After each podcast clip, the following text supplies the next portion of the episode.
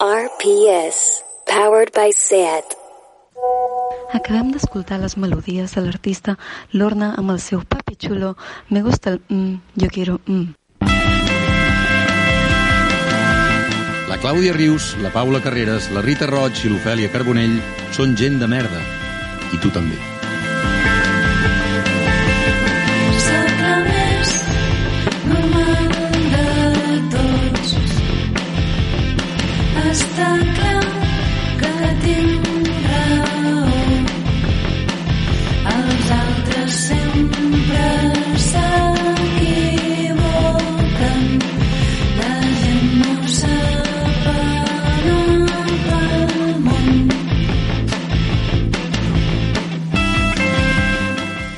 Paula, bon dia. Bon dia, Clàudia. Rita, bona tarda. Bona tarda. Ofèlia, bona nit. Bona nit. Bon dia, bona tarda, bona nit. Tant se val quan escolteu això, perquè la gent de merda que som tots no som gent invencible, sinó que som persones que de tant en tant ens veiem sobrepassades, que de tant en tant no sabem com afrontar certes coses, però que alhora tenim ganes de ser felices o simplement d'oblidar-nos de tot plegat i estar tranquil·les. I per això el tema que tractarem avui és útil en qualsevol moment del dia, del mes, de l'any i de la vida. Tenint en compte tot això, la pàgina web de la Fundació.cat, la Casa dels Catalans a Internet, que us recomanaré avui, no us sorprendrà. Avui saludem des d'aquí a la Núria Pinyes, que és una instructora de ioga del Pallars Sobirà, que té una plataforma de ioga en línia que es diu yogacasa.cat, la primera web d'aquest tipus que s'ha creat en català, per tant, visca la Fundació.cat i visca tu, Núria Pinyes, aviam si algun dia ens fas alguna classe, que la gent de merda la necessitem molt i sobretot quan acabem el programa o quan el comencem. I estem espitadíssimes com drogades i ens hem de calmar un altre cop.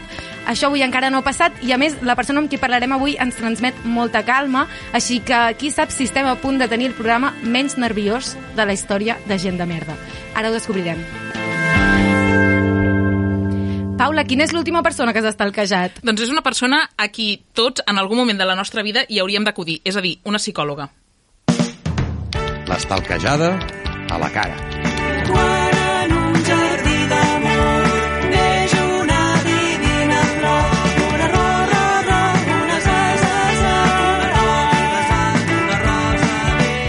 Bé. Alba Saber, què tal, com estàs? Molt bé, moltes gràcies per convidar-me. No, home, tu per venir. Escolta, estàs d'acord amb això que he dit, de que tots hauríem d'anar algun cop a la vida al psicòleg? 100% d'acord. Sí? De fet, és algo que jo normalment dic a tothom, eh, no, no als meus clients, pacients, sinó que als meus familiars, amics, a la gent que conec. És que jo crec que, bueno, jo crec que totes estem d'acord, no? Aquí que anar al psicòleg, eh, les quatre hi hem anat i les quatre coincidim en que és una de les millors coses que podem fer. O sigui, és, és una inversió perquè... Bueno, oi que no entra per la pública, oi, anar al psicòleg? Hi ha psicòlegs que sí que entren per la Sí. pública, has d'anar derivat normalment a través d'un psiquiatre i això ho fa més complicat, Vale. però bueno, mm, la majoria, per, per desgràcia, no, no entrem per la pública. Vale. I mm, tu tractes, o sigui, tu tractes, estàs especialitzada en adults, no ens deies abans, però tractes molta gent jove? O sigui, jove de la nostra edat, eh, més o menys? Generalment, jo tracto, o sigui, jo tracto molts millennials. Llavors, sí que tinc mm, generació Z, no tants, perquè, com us deia, m'especialitzo més en adults, però a partir dels 16-17 anys en amunt, i sí que el meu target normal són gent jove de 25 a 40 anys que volen potenciar. La gent de 40 anys que ens està escoltant ara mateix. Sentint-se dient, "Ué, superjove. joves". Sí, sí. Perquè creus que tenim algun, alguns problemes generacionals compartits? O sigui, creus que la gent millennial hi ha algunes coses que dius, vale, és que això clarament ve donat de, de bueno, això, problemes generacionals. Cada generació té les seves... Uh, Històries. Històries, exacte. I sí que és veritat que els millennials som la generació frustrada, en general. Se'ns han promès unes coses, hem viscut en uns valors educacionals que ens deien que tot era possible, que si estudies tindràs una bona feina, i hem viscut no una, sinó dues crisis, i a més ara venim una pandèmia. Llavors, és la generació que més té tendència a la frustració, a l'ansietat i, a, i a sentir que tot allò que s'ha promès, doncs al final no, no és tan fàcil o no és tan veritat. perquè un dels valors en els que també ens han educat, que és, o sigui, abans ho dèiem, que nosaltres com a generació creiem que parlem més obertament d'haver anat al psicòleg o no, que no pas de vegades gent més adulta. Mm. Però alhora, potser també precisament per això, perquè d'alguna forma, no sé si és el feminisme o el que sigui, doncs tenim a prop discursos del benestar, del que sigui, de, de cuidar-nos d'així, em, alhora, no sé, no sé si estem tan preparats per, per estar malalts com, com sigui amb el Covid o, o amb el que sigui, saps? Bueno, sí que és veritat que se'ns desperten moltes pors, en general, a la... i una de les pors més, més generals per tothom, ja no generacionals, sinó per tothom, és la por a la mort i a la malaltia, i és alguna cosa que es desperta, i amb això de la pandèmia s'ha ha- ha remogut moltes, moltes consciències i moltes emocions. Sí que és veritat que els joves ara eh, parlen més obertament al psicòleg, però també se segueix veient encara com un fracàs, com. I molta gent diu, jo no ho necessito. Anar al psicòleg no ha de ser perquè una necessitat, sempre, moltes vegades ho podem viure des del creixement i com, com bé dèieu, és una inversió per després, invertir en mi, per després eh, viure de la manera que vulgui viure i, i ser i actuar lliurement, sense condicionament, sense traumes i sense històries del passat que vaig arrossegant perquè no sé com gestionar-les. I creus que és important anar al psicòleg de jove? Ho dic bàsicament per dues coses, perquè um, no sé si els problemes, a mesura que passa el temps, es van enrocant o van creixent fins i tot, i després perquè si vas, com, com més jove vagis, és com que tens més aviat les eines per afrontar l'adolescència o postadolescència, no? El més més important és anar al psicòleg quan tu vols anar al psicòleg. Llavors, si La predisposició això... a anar-hi, no? Exacte, totalment. Si vas obligat o si vas perquè, mira, bueno, vaig a provar però no tinc realment ni ganes ni implicació, probablement sigui una teràpia fracassada perquè tu no generaràs els canvis ni posaràs en pràctica tot allò que treballeu.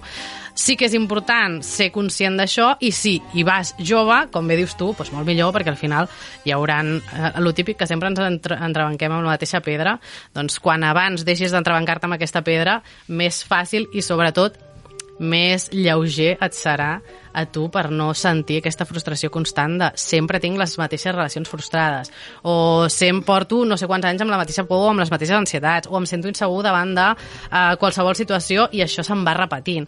Llavors, a, a, és com si ens anéssim omplint, no? el típic got que, que rebossa d'aigua, si venim quan el got està mig ple, molt millor, molt més fàcil de buidar-lo que quan venim ja a les últimes. I llavors ja està? És a dir, si tu ja fas bé lo de la teva pedra, ja, ja estàs bé, o se, sempre hi ha, hi ha coses, o... No sé. Clar, ja està. Això és una altra pregunta que ens trobem molt quan segueixen un estigma en el psicòleg.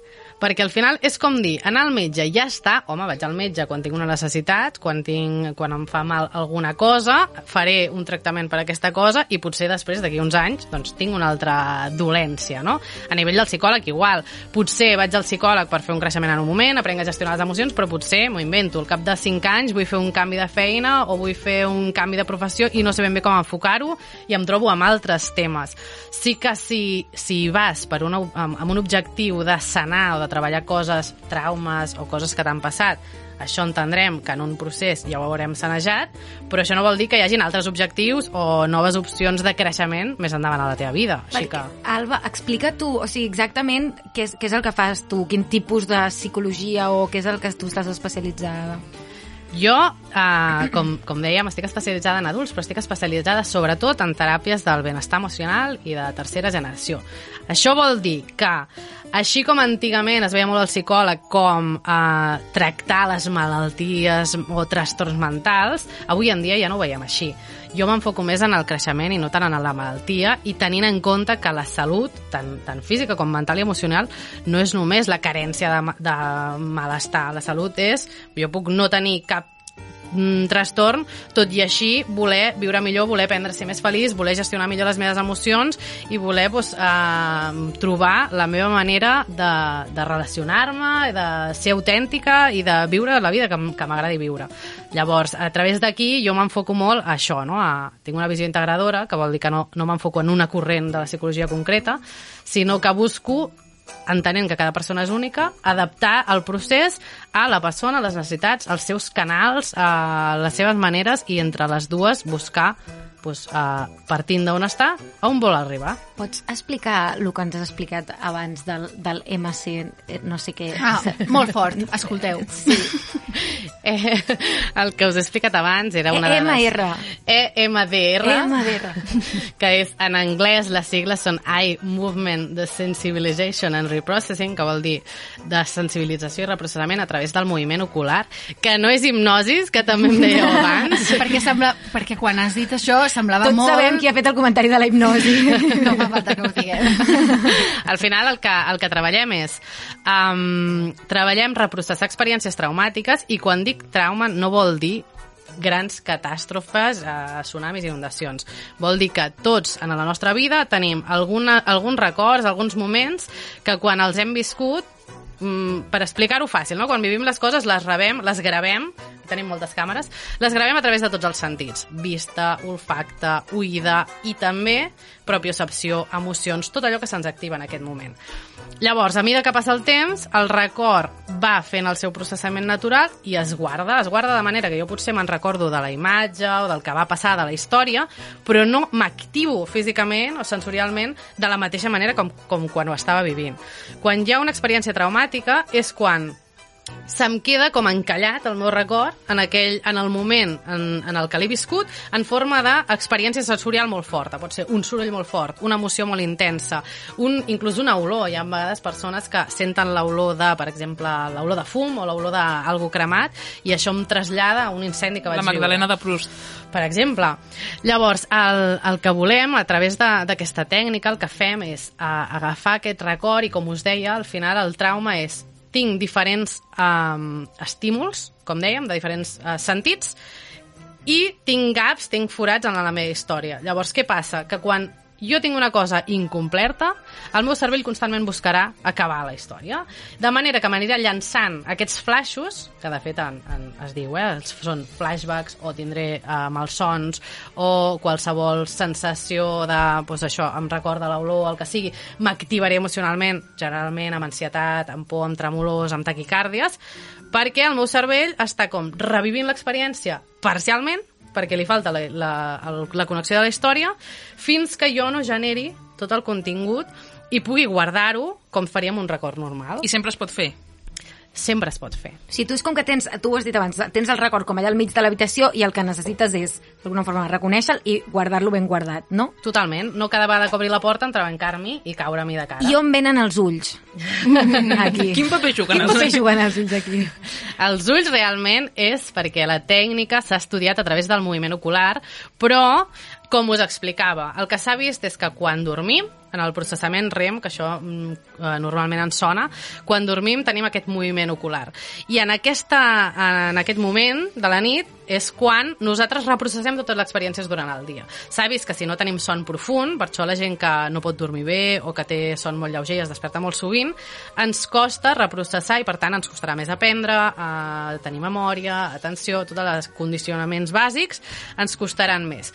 A través d'això van començar a fer investigacions de veure si realment processem mentre dormim i mentre dormim es dona aquest moviment ocular en el son REM, què passa si nosaltres ho forcem, o sigui, ho, ho fem voluntàriament, si això també ens ajudarà a reprocessar.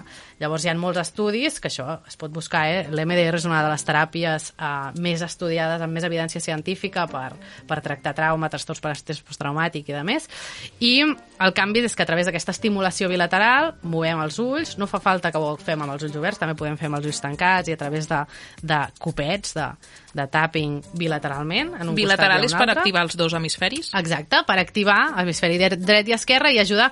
Una mica és com si revolucionéssim el cervell, com quan revolucionem el cotxe abans d'arrencar un semàfor. El que fem és activar al màxim el nostre cervell de manera que ajudem a que ell mateix busqui aquella informació que necessita per omplir aquests gaps que dèiem abans i refer la història. Una vegada jo tinc la història, la puc guardar, la puc deixar en el... Heu vist la pel·lícula de Inside Out, de les emocions? sí.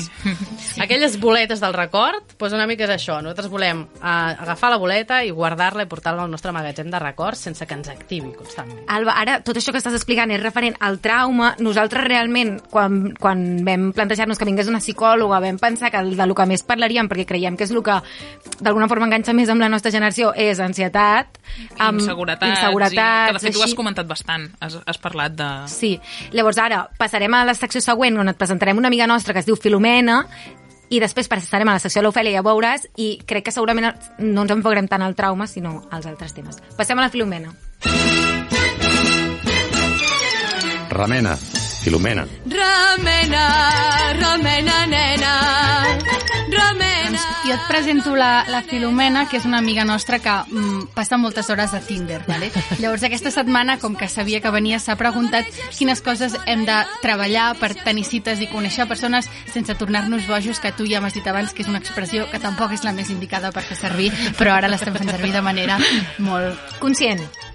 Vale, no volia dir això. Llavors, has escollit quatre perfils de Tinder de diferents persones um, perquè tu li donis consells sobre com afrontar cites amb aquestes persones i que també doncs, ens serveixi per parlar d'altres temes. Vale? Llavors et llegiré Vale. un perfil de Tinder. Venga. Que diu així. Si buscas el príncipe azul de las pelis Disney, no me des match. Los enfados me duran muy poco, odio las personas rencorosas, un abrazo y una mirada cómplice puede curar muchas cosas. Pido pocas cosas, he aprendido y sé lo que busco. Busco a alguien cariñosa, odio los celos. Un poco son buenos, pero solo un poco. Con ganas de vivir y disfrutar de la vida con todo. Com creus que s'ha d'anar a una cita amb aquesta persona? Uh, amb aquesta persona, i suposo que amb d'altres, uh, s'ha d'anar a una cita sabent què és el que vols tu. Què és el que vols tu, què és el que busques. Si pot ser sabent una mica qui ets i tenint clar uh, què és el que vols aportar en aquesta cita. Com a mínim serà interessant conèixer aquesta persona. Clar, si tu Almenys dius no, que està bé... no és agressiu. Clar. O sigui, eh, pots anar tranquil·la a la cita, és que crec. això que has dit tu de sabent qui ets tu, jo crec que és de les coses que, que més valor donen a, en el psicòleg de dir, tenir, o sigui, conèixer-te tu per després tenir eines per anar pel món sabent, o sigui, com amb l'autoconeixement absolut. Totalment, i més a, a cara a l'hora d'afrontar relacions i sobretot de buscar parella o intentar um, conèixer gent en aquest sentit, moltes vegades el que fem és buscar un complement a allò que em falta o intentar mm, suplir les meves carències o, o buscar algú perquè realment tinc por a estar sola o a quedar-me sola i en aquest cas és molt important ser conscient de- d'això, no? de quines són les meves inseguretats, treballar-me-les i si vull obrir-me a tenir una relació, encara que sigui una relació sexual, per exemple, ser molt conscient i, i estar perfecte i dir, doncs potser aquest noi no, no vol ser el teu príncep blau, però tu tampoc vols que ho sigui. Aquest Tu perfil... estàs d'acord amb el que diu amb el que diu ell dels gelos de que de que, o sigui, a veure, també s'està contradient una mica, no? Perquè els odio, però una mica són bons. Però una mica els gelos és un sentiment bo o com a mínim natural o... Entenguem primer, què vol dir gelos? Cadascú té una definició molt, molt diferent del gelos, per això hi ha gent que diu que són bons, que són dolents. Sí que és veritat que també hi ha una, hi ha una tradició de els gelos són bons hi ha gent que ho pensa perquè si no és que no t'importa l'altra persona. La, la realitat és que els gelos, la gelosia, sempre neix de la, de la inseguretat pròpia. Llavors, els gelos no són el que tu m'importa, sinó són el poc que jo confio en mi mateix o en ser suficient per tu. En aquest cas sempre és important ser conscient que eh, des d'on neix aquests gelos, què, què dic jo quan parlo de gelos i si realment és una inseguretat meva o és que jo no em sento suficient o que tinc por de que l'altra persona em deixi o de que trobi algú millor, gestionar aquesta part, perquè al final si no construïm una relació sempre des de la dependència, des de la necessitat i, i, i des de generar aquest vincle tòxic. Què anaves a dir, Ofe? Anava a dir, què anaves a dir? Que aquest perfil em recordava molt als tios que busquen l'arquetip de la cool girl, Sí, Que parlem d'això, com- m'encanta aquest arquetip. que és una cosa que més jo l'he sentit dir a varis tios, és com que m'agrades perquè amb tu és molt fàcil, que vol dir com no em donis problemes, i que és una cosa que crec que si no ens coneixem a nosaltres mateixos, com has dit tu, a vegades caiem en ficar-nos a la pell d'aquest personatge de ser la cool girl i ser la, el somni de tots els tios, no? Que no tinguem mai gelos, que mai els anem amb les nostres tonteries, però que alhora siguem carinyoses. És, de- o sigui, vol, vol la part bona de, de la feminitat, no? De les cures i, i de, de ser una persona que és empàtica, però llavors no vol la part dolenta que per ell deu voler dir, doncs, gestionar coses, parlar dels teus sentiments o com demanar el que vols perquè ets una persona que comunica i que, per tant, sap el que vols. Realment, per mi, eh, qualsevol persona que és autèntica, que es coneix i que realment sap uh, qui és i el que vol, serà una cool girl. Perquè ho farà, ho farà fàcil, ho farà fàcil, però no perquè li posi fàcil a l'altra persona o no perquè entrem en estereotips de gènere, sinó perquè realment serà clara i dirà el que vol. I si el que vull és sexe, serà sexe, i si el que vull és una relació, serà una relació, però no entraré en jocs d'aquests encoberts de et dic que sí que vull sexe, però en el fons vull una relació, però en el fons crec que no la vull, però no ho tinc clar perquè no m'ho he plantejat, i mm, tot aquest eh, tema rocambolesc que al final és en els, els pous que ens acabem cavant nosaltres mateixes. És que també passa molt, i això ho hem... O sigui, això és, és una cosa que es comenta molt de com també, no, no és ben bé el mateix, però com els nois que clarament són ells els que no estan treballats i busquen que la nòvia sigui la seva psicòloga. En plan, no, vés tu, soluciona't els teus problemes i després tingues una... Vull dir que molts cops sempre ho enfoquem a les, a les noies i, i realment els nois també tenen molt a treballar en, en, en, aquí. Exacte. I En aquí. tens pacients més, més dones que homes o...? tinc, tinc més dones que homes, tot i que cada vegada tinc més homes, i sí que és veritat que molts, els, als homes els hi costa arribar perquè encara, ara i per desgràcia, se segueix castrant molt l'emocionalitat en, en l'home i en els nens, sobretot, no? No ploris, això és de nenaza o el que sigui. Llavors és molt important també donar aquest espai i reconèixer, inclús les pròpies dones, a vegades veiem que, que inclús de la nostra edat, eh, validem la no emocionalitat dels homes, o aquest home plora és que és dèbil, al contrari, un home plora és que és, és valent perquè s'està afrontant a tots els estereotips socials de que els homes no ploren, i per tant hem de, hem de validar això i hem d'obrir que els homes òbviament, estan convidadíssims a treballar-se i a, i a gestionar-se i a, i a qüestionar-se. Clar. Vale, va, llegim un altre perfil. Aquesta Vale, súper rápido, Rita. Aquesta persona diu, cocino bien, lo prometo, y si no, pues soy alto y dicen que simpático, un poco otaku de esos y gamer. También tengo depresión, va en el pack. Se me dan medio medio, que no sé si es una catalana... Com que- mig, mig, Mig, no? mig, m'agrada molt. Medio medio las conversaciones, pero intento hablar de todo. No me interesa una relación seria, pero BDSM de cabeza. Aquesta persona, o sigui, tu creus que està bé dir de primeres que tens depressió i en una cita? Creus que està bé? Tu creus que està bé? Jo penso, o sigui, jo penso que aquesta persona s'està arriscant molt posant això en un perfil de Tinder perquè molta gent potser ho descarta i no sé si per ell és una manera que té de com ja anar de cara i ser sincer o de com justificar coses. Jo el que diria és, si, realment tens depressió, vés al psicòleg, treballa la depressió, i si tu no, mm, ets una noia que veus aquest perfil i li dones el maig, planteja't què és el que estàs buscant, si fer-li de mare o fer-li de salvadora o fer-li de psicòloga o realment estàs buscant una parella. En, aquest, en qualsevol cas, mm, em posa nerviosa una mica aquest joc perquè al final és, és generalitzar molt sobre, sobre quatre línies, ens hem d'entendre. El més important sempre, sempre és ser conscient de jo com, com estic entrant al joc, qui sóc jo i, i a què vaig a jugar. O sigui, realment no es tracta... És que això ho dèiem quan preparàvem la secció amb la Sí. Rita, en parlàvem, que és que en cap moment es tracta d'analitzar a l'altre, o sigui, es tracta de, de veure tu quina posició agafes, no? I. I veure si entres, si no, si tal, però no de dir a l'altre, en plan, mm, bueno, és així, doncs hauré, li faré canviar això i això, perquè d'entrada no em quadra que em digui que té depressió, bueno, tu digues si vols entrar o no i l'altre ja s'ho farà, no? Exacte. O sigui, la, la idea és uh, cadascú aposta i planteja les seves cartes i jo el que vull és veure quines són les meves i com vull jugar. I a través del que m'ensenyi l'altre decidiré si m'hi vull quedar o no. Clar, el mateix amb el que diu de les, de les seves pròpies habilitats comunicatives, no? De que no se li donen bé les converses. També pots... És una cosa que t'està posant al davant i que tu llavors hauràs de veure si entres en el joc aquest d'intentar mm, ser la persona que li ensenya a parlar dels seus sentiments. Bueno, però és que, o sigui, potser simplement ho explica perquè, perquè no, Perquè és una perquè persona no sigui un callada, xoc. exacte. Clar, i est- o sigui, no té per què ser superdolent tampoc que digui que no, que no es comunica bé. Potser t'avisa en plan, bueno, no seré la, la, la persona més mm, saps, com més Bueno, alegre perquè del és món, una carta però de presentació si, si ens i això és un fact. Clar, però si estem Sí. bé, doncs estarem bé, no? I ja està. Bueno, I que moltes vegades, quan ens agrada plantejar un defecte abans, quan ens sentim insegurs o insegures, perquè així és com una manera de jo ja t'he dit lo ja dolent avisat. i a partir d'aquí puc mostrar la resta. No? Llavors, no, no, no ha de ser ni bon ni dolent, al final és neutre, tot això. És com cadascú decideix quin perfil vol, vol escriure en el seu Tinder. Simplement és ser conscient de, bueno, aquesta persona m'ha ensenyat les seves cartes, potser això a ell l'ajuda a relaxar-se i a dir, així si em parles i no sóc el tio més comunicatiu de la història, tinc l'excusa perquè ja he avisat, i a partir d'aquí veurem què passa. I a vegades també diem com les coses dolentes nostres perquè no les diguin els altres ja directament, no? I així ja, ja, ho, ja ho has dit. Com un i- escut, et salves Sí. a tu mateixa. noies, hem de passar a, la, a una secció, la de l'Ofèlia, que es diu Decisions de merda. A veure què diu aquesta setmana. Decisions de merda. Muda el cotxe amb.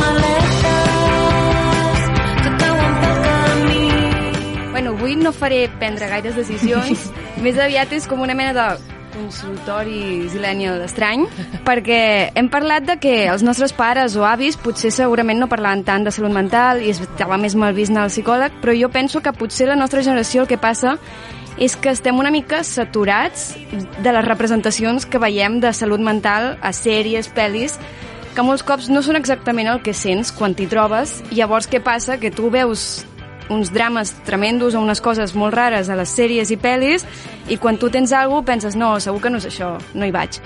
Llavors, jo he agafat com els dos temes que crec que potser ens afecten més com a generació i que també crec que s'han explotat molt en sèries últimament, que són l'ansietat i la depressió en joves. Uh -huh. I, I llavors et demanaré, sí, com que amb aquestes representacions que no són les que surten a les pel·lis, si tu tens algun consell per per com fer un primer pas um, i, i momentàniament posar com un, una tirita, un parche i llavors d'aquí doncs ja anar-te a buscar ajuda. Una cosa, que vull dir, només com a un apunt, que de vegades veiem eh, conductes, el que sigui, que, que estan molt exagerades a les sèries i, i després no, no, no hi connectem, però de, també pot passar una mica al revés. Jo crec que també passa molt... És el que em referia al principi quan dic que ara parlem molt més d'anar al psicòleg, que jo crec que també hi ha un punt que crec que la nostra generació fins i tot romantitza o fa gala d'una ansietat, i que és que en cap cas ni... O sigui, que el millor és estar bé, saps? Ni, ni, ni tenir-la et fa més guai ni no tenir-la.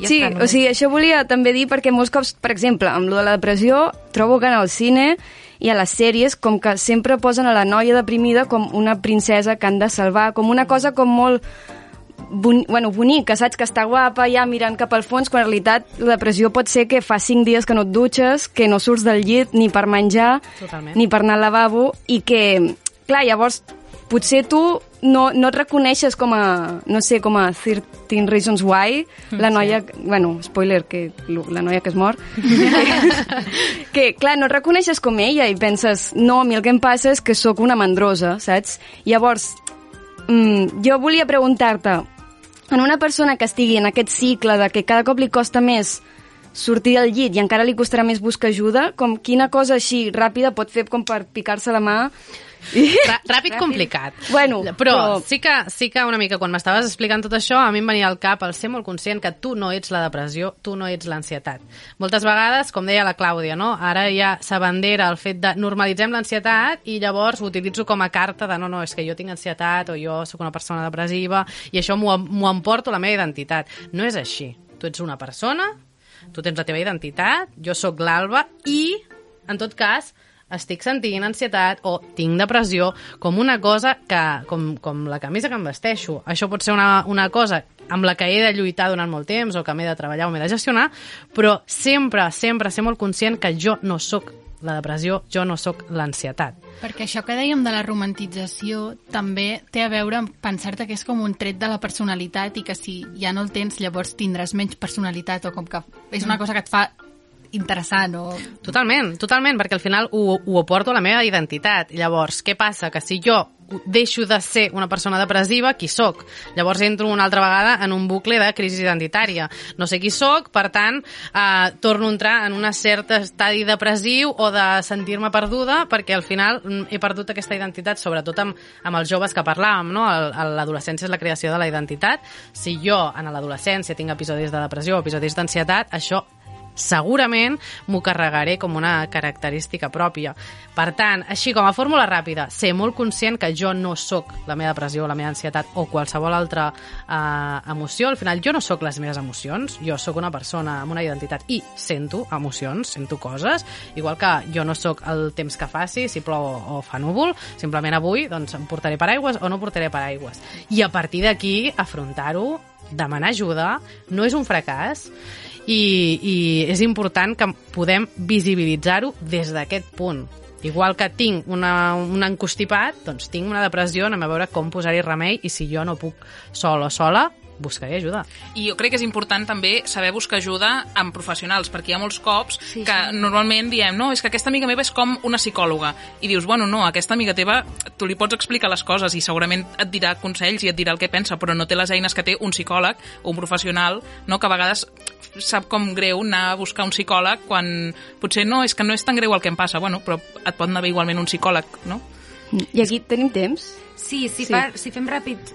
Val, perquè aquí ho volia aprofitar per enllaçar-ho amb l'altre, que era la part de l'ansietat, que, que també com em, a vegades em dóna la sensació amb això que no reconeixem no, no ens imaginem que nosaltres podem ser, com que pensem que som personalitats, nosaltres no podem reconèixer que tenim, jo que sé, ansietat, perquè potser pensem pel sistema capitalista en què vivim, jo no sóc poc productiu per estar estressat per res, no sóc poc productiu per tenir ansietat. Però l'ansietat a vegades són temes físics que tu estàs allà, comencen a sentir formigueig a les mans com, i no és, no és per res.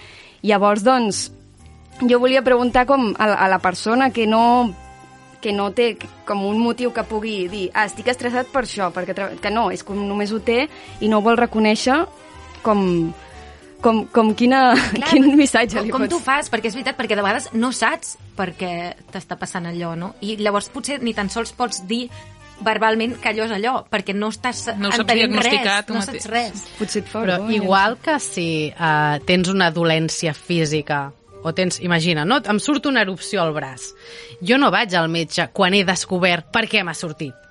Jo veig l'erupció, em molesta i dic, ostres, mm, tinc això, vaig al metge, en tot cas anem a tractar-ho i si de cop descobrim que és que el jersei que m'havia posat m'havia fet eh, una reacció, fantàstic. Si no, no passa res. Ja, però de vegades passa molt de temps, eh? Fins que... Exacte. O a vegades no saps... Reac... O sigui, per exemple, això que deies, formigueig a les mans, potser no associes que té a Clar. veure amb el psicòleg, potser vas a un... mm, no ho sé. O Clar, taquicàrdies i penses que has d'anar al O penses, és igual, ja em passarà.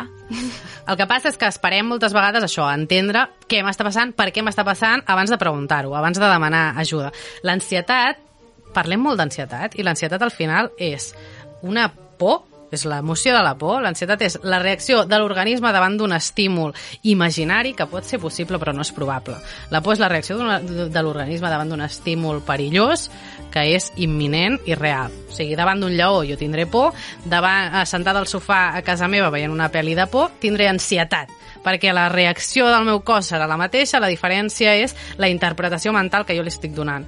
Llavors, l'ansietat moltes vegades no veiem la causa directa perquè ve de cúmul d'experiències, de moltes situacions, de, de sensació d'inseguretat, d'haver-me generat moltes creences personals, que això vol dir de uh, missatges que jo em dic a mi mateixa de no sóc capaç, no podré afrontar-ho, i llavors davant de qualsevol cosa de la vida, el cos se'm dispara, se m'activa se m'activa, com dèieu, no? amb formigueig, amb sudoració, amb taquicàrdia, amb falta d'aire, eh, amb vista borrosa, depèn, depèn de la persona, es pot activar de moltes maneres, ganes de vomitar, el que sigui. Si jo sé o me n'adono que el meu cos s'està activant o que tinc molts pensaments negatius i que em cost no sé ben bé d'on em ve, el millor sempre és pues, plantejar obertament i, i ja ho aniré descobrint. Sí, no cal esperar que et doni un atac d'aquests que... O sigui, tu, a la que no hi ha res dolent, a la que et sentis que algú no està com tu voldries estar de còmode, que vagis a buscar ajuda, no? Totalment. Si et vols posar catxes, aniràs al gimnàs. Llavors, si vols aprendre a gestionar les teves emocions sense haver d'arribar a l'extrem d'atacs de pànic, vés al psicòleg, vés a un professional i, i apren a reaccionar i a gestionar no només l'ansietat, sinó l'alegria, la tristesa, la por, la ràbia, tot. Perquè va... Ai, Digues, digues, No, digues, que- que, tan, digues que tanquem. que a vegades sento que estem com, com que hem de justificar que anem a buscar ajuda i que hem d'estar real... O sigui, que hem de justificar a la gent en plan quan li dius és que eh, vull, he anat al psicòleg et diuen però, però tu tens, però què tens? Saps com si els haguessis de justificar, però no cal, oi? Al final he anat al psicòleg, què tens? Doncs ganes de créixer, ganes de conèixer i de ser una millor versió de mi mateixa. Alba, estem super contentes de que hagis vingut avui. Teníem moltes ganes de que vingués una psicòloga i diem, o sigui, recordem i animem a tothom a seguir-te al teu Instagram, que és arroba Arroba Alba Saber Psicologia, tot junt. Alba Saber Psicologia. Seguiu-la perquè és molt bona i estem supercontentes de que hagi vingut. I tota la gent jove, que sabem que hi ha molta gent jove que segueix gent de merda, que no dubti en cap moment qualsevol cosa, si mai... És un planasso anar al psicòleg. És un... De debò. Acabem així.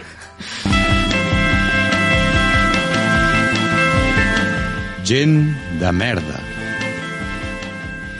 Aquestes que sonen són la Rombo. Nosaltres som la Paula Carreras, la Rita Roig, l'Ofèlia Carbonell i la Clàudia Rius. I som gent de merda gràcies a la inestimable ajuda de l'Andrei Ignat i el Nacho Medina, que fan que tot soni i es vegi bé, la Clàudia Torrents, que, que ha fet aquest logo tan guai, i el David Caravent, la veu més sexy de Catalunya. La setmana que ve més. Adeu, noies. Adeu. Adéu.